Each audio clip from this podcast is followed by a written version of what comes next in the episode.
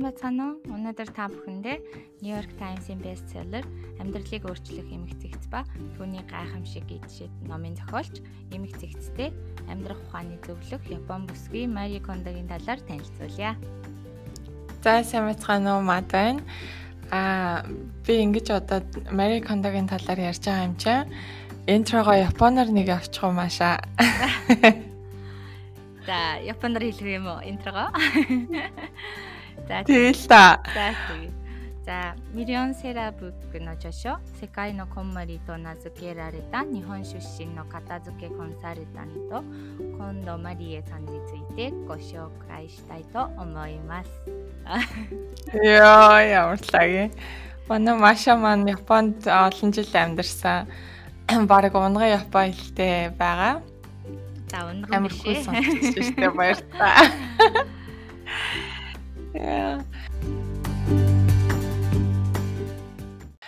За тэгээд Мари Кондогийн талаар яри яг Мари Кондо л эмх цэгцтэй амьдрах талаар телевизийн шоутай сая сая хуваар борлогддог юм номын зохиолч бүсгүй байгаа.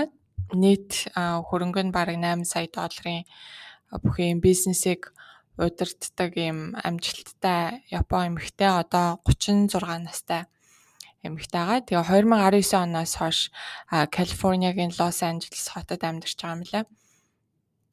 Аа тэгээд ер нь бол өөрөө ярахтаа 5 настайгаас хойш л юм эмхлэх, цэгцлэх, гэр орноо цэвэрлэх юм ажил сонирхолтой байсан гэж ярьдаг. Тэгээд аа өсвөр насндаа өдөржин л гэрээ цэвэрлээд, эмхэл цэвэгцлээд ерөнхийдөө өнгөрөөдөг байсан.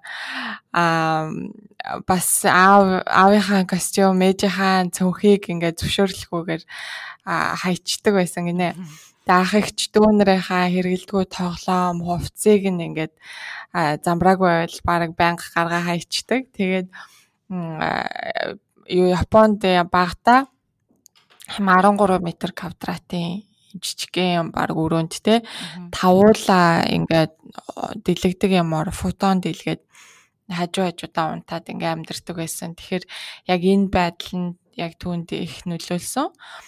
Аа Тэгээд бас сургууль дээрээ ч гэсэн номын тавиур дээрх юм номнуудыг хичээлийн завсарлагаан болгоноор байнга имхэлж зэгцэлдэг байсан байна. Тэгээд а Токиогийн эмэгтэйчүүдийн их сургуульд социологийн чиглэлээр их сургуульд сурсан. Тэгээ суралцж явах явцдаа яг найзууд нь өөрсдөө өрөөгөө эмхлүүлж янзлуулдаг байсан байна төлбөртөөгөр мэдээж. Тэгээ өөрийнх нь яг энэ сонирхол нь яг мөнгө олж болох нэ, ашигтай байж болох нэ гэж өөрөө тухайн үедээ ойлгоод тэгээ 19 настайдаа юм их сургуулийн хажуугаар 5 цаг ажиллаад 100 доллар авдаг юм жижигхэн тэгээ бизнес хийж эхэлсэн юм бэлээ.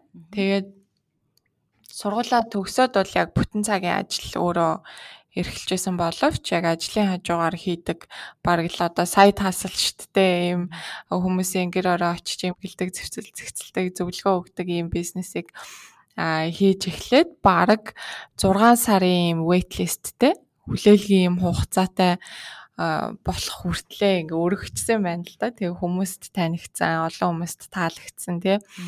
Тэгээд ингээ хүмүүсийн гэрээр явж эмх цэгцтэй амьдрах тал дээр бас зөвлөгөө өгдөг байсан байна.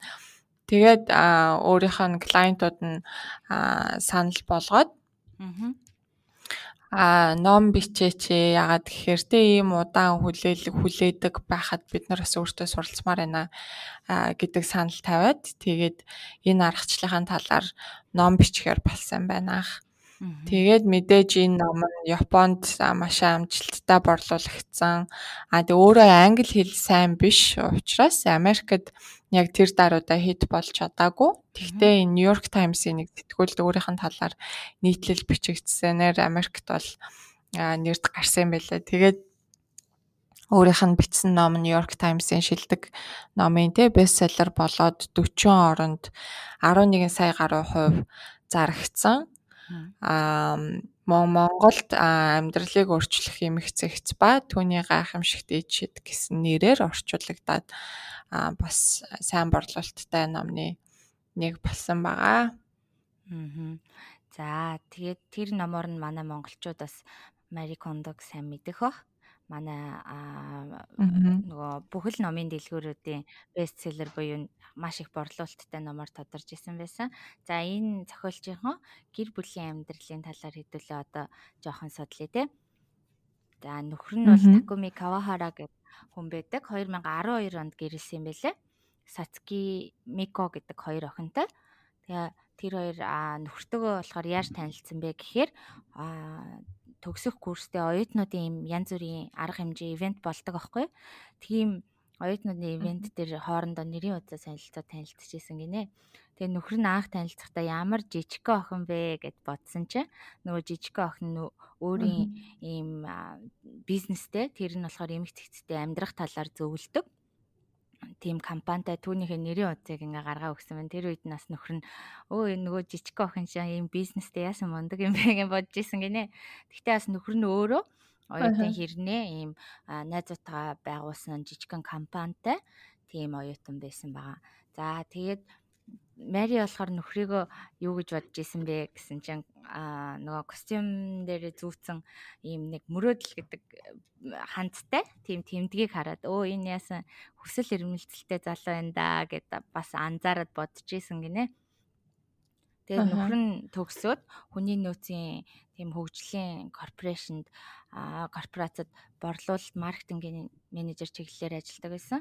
Харин Мари болохоор хүний нөөц зуучлалын компанид борлуулалт бас хийдэг байсан. Одоо sales гэсэн хүмүүсийг нөгөө нэг ажилд ингээд зуучлахт нь компаниудыг хүмүүстэй холбодог. Тэгээ нэг орой нөхрөөсөө ажил асуухаар залгсан гинэ утас руу. Тэгээ түүнээс хойш нөхөр нь ингээд өөрийнхөө одоо тэр компаниудын хамтарч ажилладаг компаниудын захирлуудыг танилцуулаад за Мари тэр компаниудад хүн олж өгөх чиглэлээр ингээд аягүй цуг уулзалтанд ордог байсан гинэ. Компанийн захирлуудтай 15 минут орчим ингээл инээж ярьж байгаа л гэрээндээ гарын үсэг зуруулаад аваа гарчдаг тийм охин байсан гинэ манай Мари. Тэгээ ямар мундаг мундаг юм борлуулалт сайтай сэлсэ гэж бодож исэн. Тэгээ Мари ажилласаа гараад өөрийн номоо бичээд номоо бичснийхаа дараа гарсан яг үнэндээ тэгээ гараад тэр талаараа лекц японоор тойрч одоо Японы бүх мужи аймагуудаар лекц уншаад явж исэн. Тэр үед нь нөгөө Такуми сан Осака гэдэг Японы одоо хоёр дахь том хот байдаг. Тэнд томилогдоод ажиллаж исэн. Тэнд очиж лекц уншихдаа Такумитайгаа дахиад уулзсан. Тэгээ түүнээс хойш одоо тэр лекцээ уншихдаа Такумигаас зөвлөгөө аваад одоо амар олон хүн сонсохоор ирдэг лекцэн дээр ерөөсө 3хан арын албаны хүн ажиллаж исэн гинэ. Тэгээд Такумын хэрвээ ингэж ажиллах юм бол одоо энэ бол цаашдаа явхад айгүй хэцүү болно гэж зөвлөгөө өгөөд арай олон ийм хүмүүс аав ингэж ивентэ зохион байгуул ингэж лекцээ унших тэр тал дээр нь харамгүй зөвлөгөө өгч исэн. Тэгээд хамтран ажилласаар агаад 29 настай да 7 жилийн дараа танилцснаасаа 7 жилийн дараа 29 настайдаа гэр бүл болсон юм байна.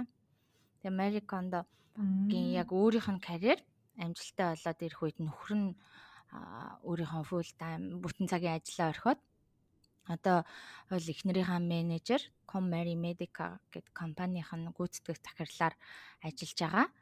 Маригийн номны гэрээ хэлцээрийг хийдэг, Netflix-ийн шоуг нь цогтаа хийдэг, Instagram-ийн зургийг авч өгдөг. Гэт ер нь бүхэл арт талынх нь ажлыг намжуулдаг тийм гол хүн юм байлаа. Тэгээ хамгийн бас сонирхолтой хэсэг нь нөө Netflix-ийн шоу а ингээд 2019 оны 1 сараас эхлээ гараад амар амжилттай болсон маш их үзэгч үзсэн. Тэрний одоо гол нууц нь бол нөхөрт нь байсан гэж хэлэхэд болно. Нөхөр нь одоо тэр шоунд оролцох хүсэлтэд 60 гаруй гэр бүлээс 8 гэр бүлийг яг сонгож шоуга хийсэн. Тэгээд сонгохдоо болохоор аль болох олон янзын амьдралтай олон янзын гэр бүлийг шүүж бүр сонгосон байлээ. Тэгээд яа тэгэхээр тэр нь тэгжээж одоо дэлхийд даяар Netflix-ийн тэр коммеригийн шоуг нь үзэж байгаа олон янзын хүмүүст нөлөөлж чаднаа гэж бодоод тэгээд одоо хэдийгээр англи хэл нь одоо таар байсан ч гэсэн мэдхгүй англи хэл үгнүүдээ бүгдийг Google дээр яг нэг бүрчлэн бүгдийг ойлгосныхоо дараагаар 8 гэр бүлээ сонгож аа тэгэж нарийн бас шалгуураар шалгасан болохоор энэ шоуна айгу амжилттай явсан гэж хэлдэг юм бэлээ. Тэгээд түүнээс нь харахад ер нь маш сайн хамтрагч нь бас эхнэрийнхаа дэмжигч нь байх нэ энэ Такуми гэд нөхөр нь. Тэгээ өөрсдийгөө болохоор бит хоёр эхнэр нөхрөөс гадна бие биеэ дэмжнэг бас хүндэлдэг нэг баг гэж хоорондоо хэлдэм байлээ. Тэгээ нөхөр нь мэдээж бас адилхан цэвэрч нэмбай, хувийн зохион байгуулалт сайтай тийм хүн байдгийн юм шиг байгаа. За тэгээд Америкт бас нөгөө Лос Анжелес руу нүүсэн 2015 онд яг ингээл бестселлер болол ирэхээр нүүсэн байгаа. Яагаад нүүж амьдарсан бэ гэхээр дэлхийн олон хүмүүст өөрийнхөө энэ арга барилыг эмх цэгцлэх амьдралаа өөрчлөх арга барилыг зааж хүмүүсийн амьдралыг бас сайнаар нөлөөлөх сонирхолтой байсан тул эргэлзэх зүйлгөө шууд бид нар шийдээд нүүсэн гэд хэлсэн байлээ. Тэгээ илүү их боломжийг одоо Америкийн зах зээлээс олж харсан баг. Энэ нөхөр нь ч өөрөө ч тийм англи хэл сайн биш байсан болохоор гадаадад ингээл шууд нүүж очиод амьдрна гэдэг бас олон тийм саад бэрхшээлтэй хэцүү байсан байгаа. Тэгсэн ч тэр хоёр хоорондоо баг бид хоёр муудалцдаггүй нэг зоригтой нэг баг учраас байнга би бинээ халамжилж хоорондоо маш сайн ярилцдаг болохоор бид хоёр тийм их муудалцдаггүй гэж бас нөгөө эвтэй нартай ихнэр нөхрийнх нь нууцыг хуваалцсан байсан. За тэгээд охтуудаа болохоор гурав хүрэхээр нь өөрийн аргаа зааж өгнө гэж боддог байсан. Гэвч охин нь гурав хүрэхээс өмнө ном, чихмэл тоглоомоо яг тодорхой байранд нь тавьдаг болцсон байсан. Ээжигээ дөөрэж хувцас ихдэг, их гэж оролддог болцсон байсан гэдэг жаа хүүхдүүд яг цэвэрлэх цэгцлэхийг сурахад хизээч эртдэггүй. Мөн хүүхдүүд өөрсдийнхөө эд юмсыг хаях нь хэцүү гунигтай юм шиг боловч тэд нар нь өөрсдөд нь одоо сайн туршлага болж үлдэнэ.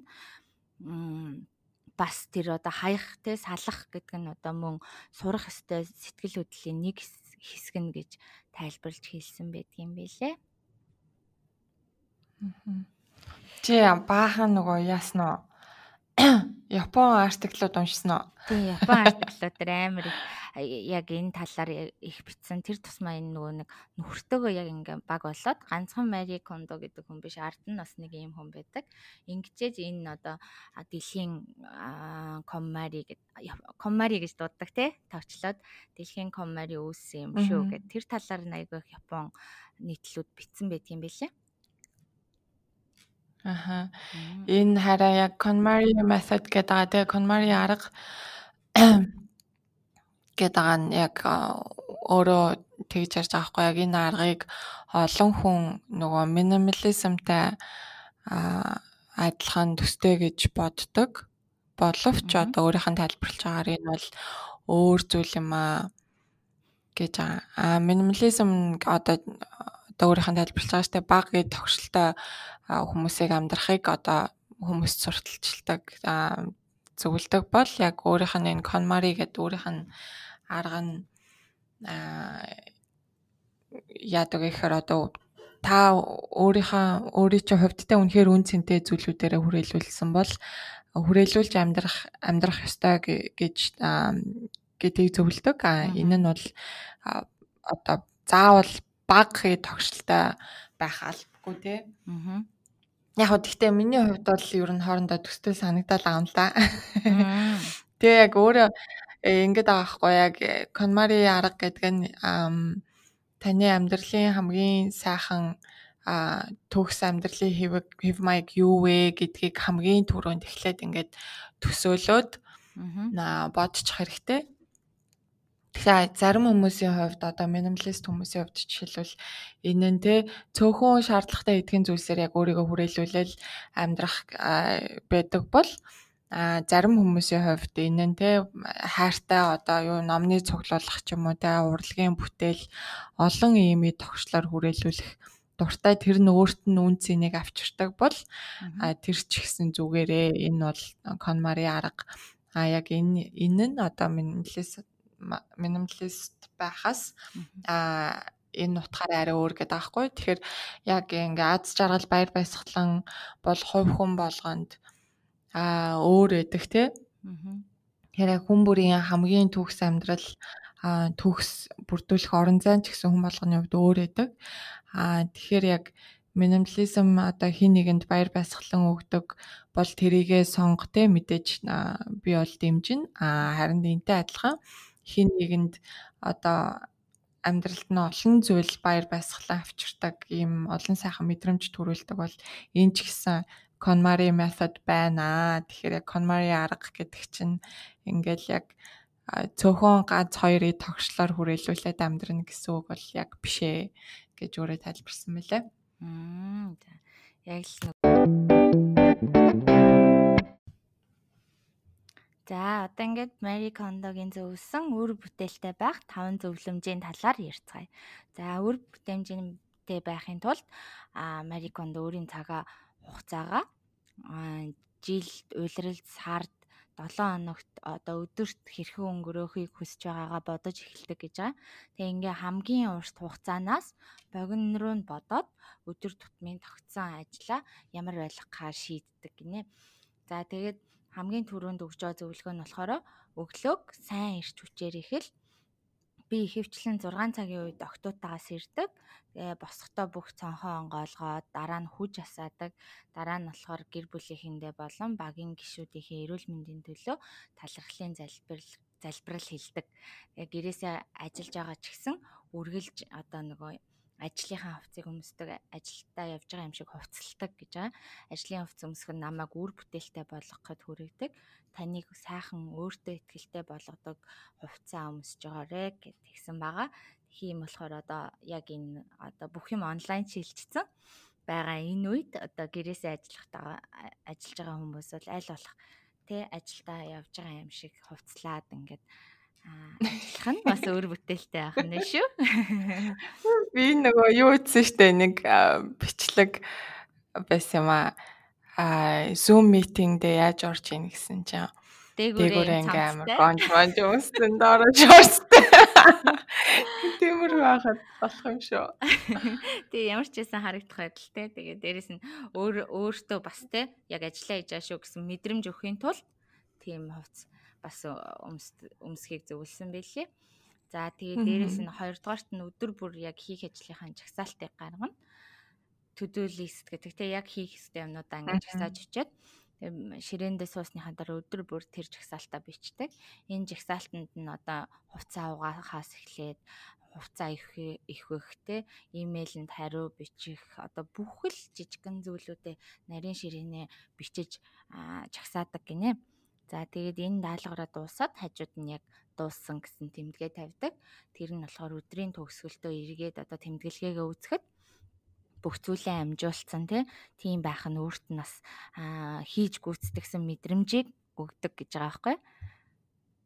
Аа. Тий. За тэгээд энэ таван зөвлөмжийн өглөөг эрч хүчтэй эхлэх өдөр бүр хийх ажлын жагсаалтаа гарах. Гурав дахь нь болохоор а эхнэр нөхөр юм уу партнертайгаа ийм ажлын зохицуултанд орох хэрэгтэй гэж байгаа. Тэгэхээр яах вэ гэхээр яг хийх зүйлийнхаа жагсаалтыг хуваалцах Аа тэгээ хамгийн гол нь ярилцлах нь ярилцах нь эхнэр нөхрүүдийн хувьд хамгийн юм үр бүтээлтэй зуршлыг бий болгодгоо. А Мари Кондогийн хувьд яасан бэ гэхээр анх нөхөртөөгөө гэрлэхдээ энэ хоёр ингээ гэрийнхаа бүх ажлыг хуваасан юм хүснэгт гаргацдаг байсан гинэ. Тэгээ яг а хүснэгтэндээ хин хин юу хийх вэ гэдгээ тодорхойлцсон. Тэгээд а өөрөө ингээ оногцсон ажиллаа хийж дуусныхаа дараа хажууд нь ингээ тэмдэглэлцдэг те чек. А тэгээд нөхөр нь энийг нь анзаарах юм бол хажууд нь одоо аим талархлын үг бичдэг ч юм уу те өөрөө ч ихсэн тэгдэг байсан гэж байгаа. Тэгээд а мэдээж ингээ хүмүүс цогтой амьдрахад ямар тийм их жижиг шаажиг том баг ажил хийх хэрэг гардаг гэдг нь энэгээр те тодорхой олон хийдэг ажил болгоно бичээд ахаар. Тэгээд мэдээж ингээд тэмдэглээд бичээд хийгээд яваад ахаар хамтдаа яаж тогтохтой юм амьдрах вэ те ингэж амьдрахад шаардлагатай маш олон ажлууд гардаг гэдг нь ч тодорхой болдог. Аа тэгээд яг хин нь аль ажлыг хийхэд илүү тохиромжтой вэ? Хин нь хийж чадах вэ гэдгийг бас энэ хүснэгт гаргаж хийж явснаар ойлгуулж ухааруулж өгдөг тийм. Тэгээд одоо жишээлбэл Мари Кондог энэ хоёрын хувьд нөхөр нь хоол хийх дуртай. А эхнэр нь тэ цэвэрхэн цэмцгэр байх дуртай. Тэгээд хүүхдтэй болохоос өмнө бүр энэ чагсаалтаа хийж эхэлсэн байлээ. Тэгэхээр одоо бол тэ химнэлээ химнэлэн тогтцсон хин юу хийх гэдгээ мэддэг учраас ийм гэр ахуйн ажлын хүснэгтэйг бол төдийлөн хуваалцаад байха болсон. А харин ажлынхаа хуваарийг бол одоо стил би бин тэгээ үргэлжлүүлээ хийдэг гэж байгаа. Тэгээ за дөрөвдүгээрт бол хүмүүс оюун бодлоо зэгцлэх хэрэгтэй гэж. Америконд болохоор яг бодлоо ирэмблэх хэрэгтэй гэж үзсэн тохиолдолдоо ингээд хоосон цаас гаргаж ирээ бүх бодлоо ингээ процессоо бичдэг гэж байгаа хгүй. Тэгэхээр яг ингээ ямар сэтгэлийн төгшөөр, зовнил, тэ санаа зовж байгаа бүх зүйлүүдээ а бичээд магадгүй тэдний шалтгаан юу болж шалтгаан юу байх вэ гэдгийг бас тодорхойлоод бичдэг. Аа тэгээд ингээ бичээд харахаар энэ асуудлуудын аль асуудлыг зохицуулж болох вэ? Аа аль нь те хянах боломжгүй ингээд гараас гарсан бэ гэдгийг тодорхойлоод биччихдэг гэж аа. Одоо жишээлбэл одоо хүүхдүүдээ а ажлын цагаар сэрхтэн ингээ өөрийнх нь уур нүрдэг байсан гинэ.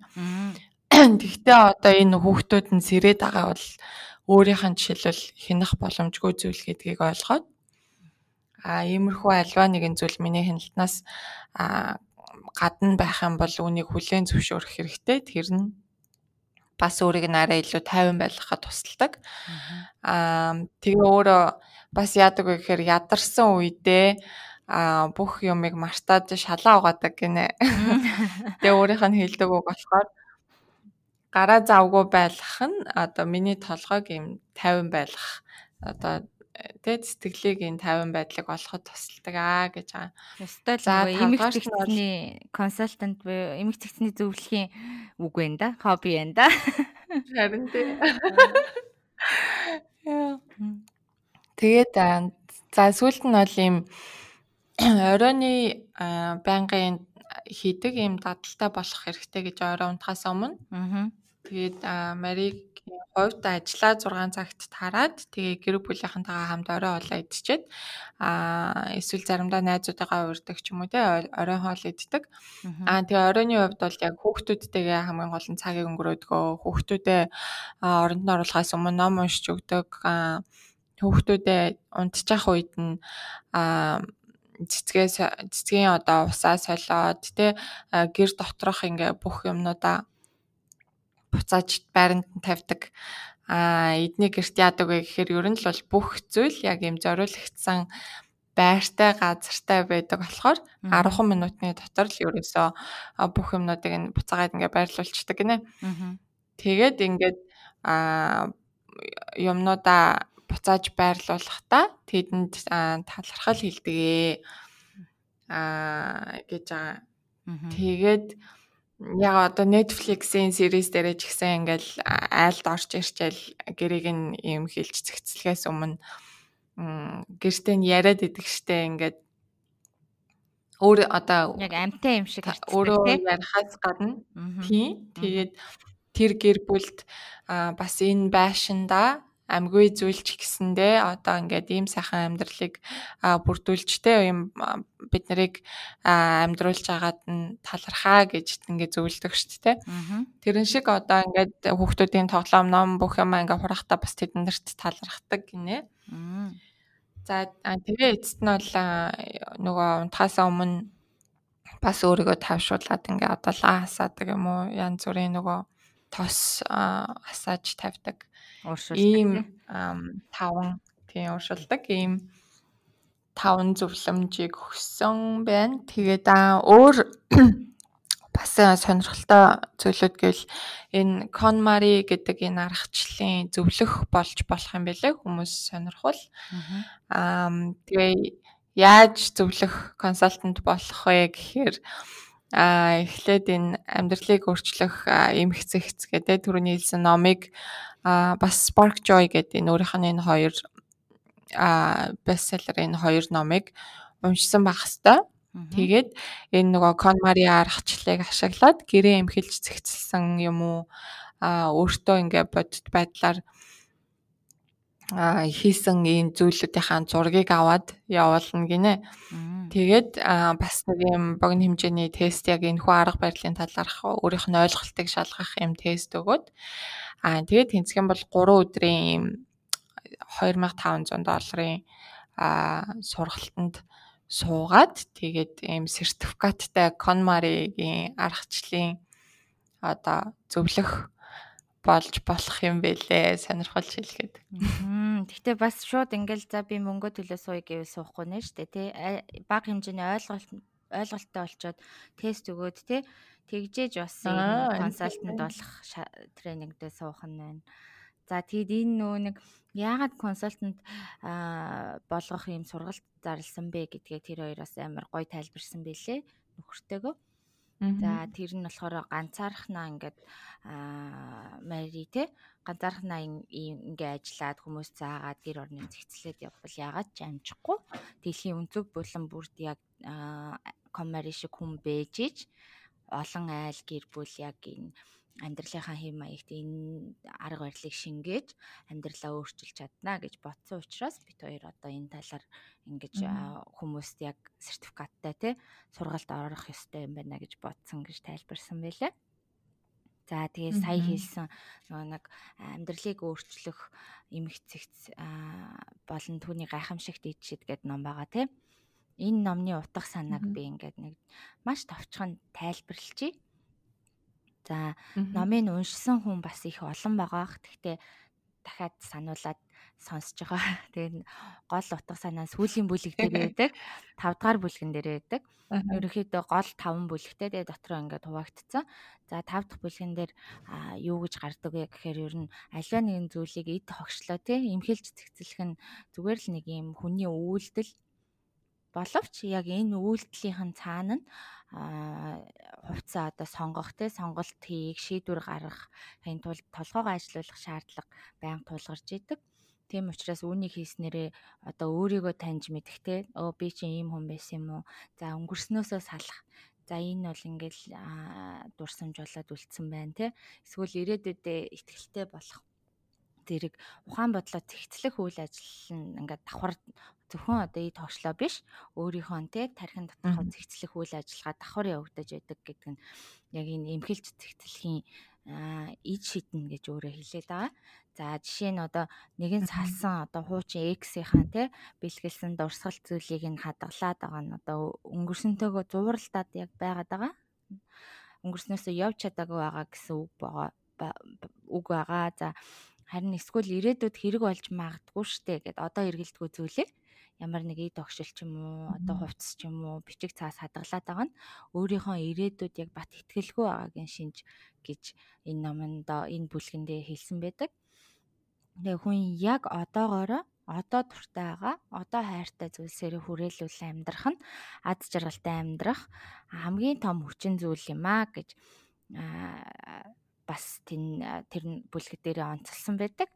Тэгээ Харин ингэж эмэгт хэцтэй амьдрахын тулд яах ёстой вэ гэдг нь эхний дөрвөн бүлгэн дээр гардаг. За нэгдүгээр бүлгэн дээр нь яагаад бид нар ингэж эмэгт хэцүү амьдраад байгаа вэ?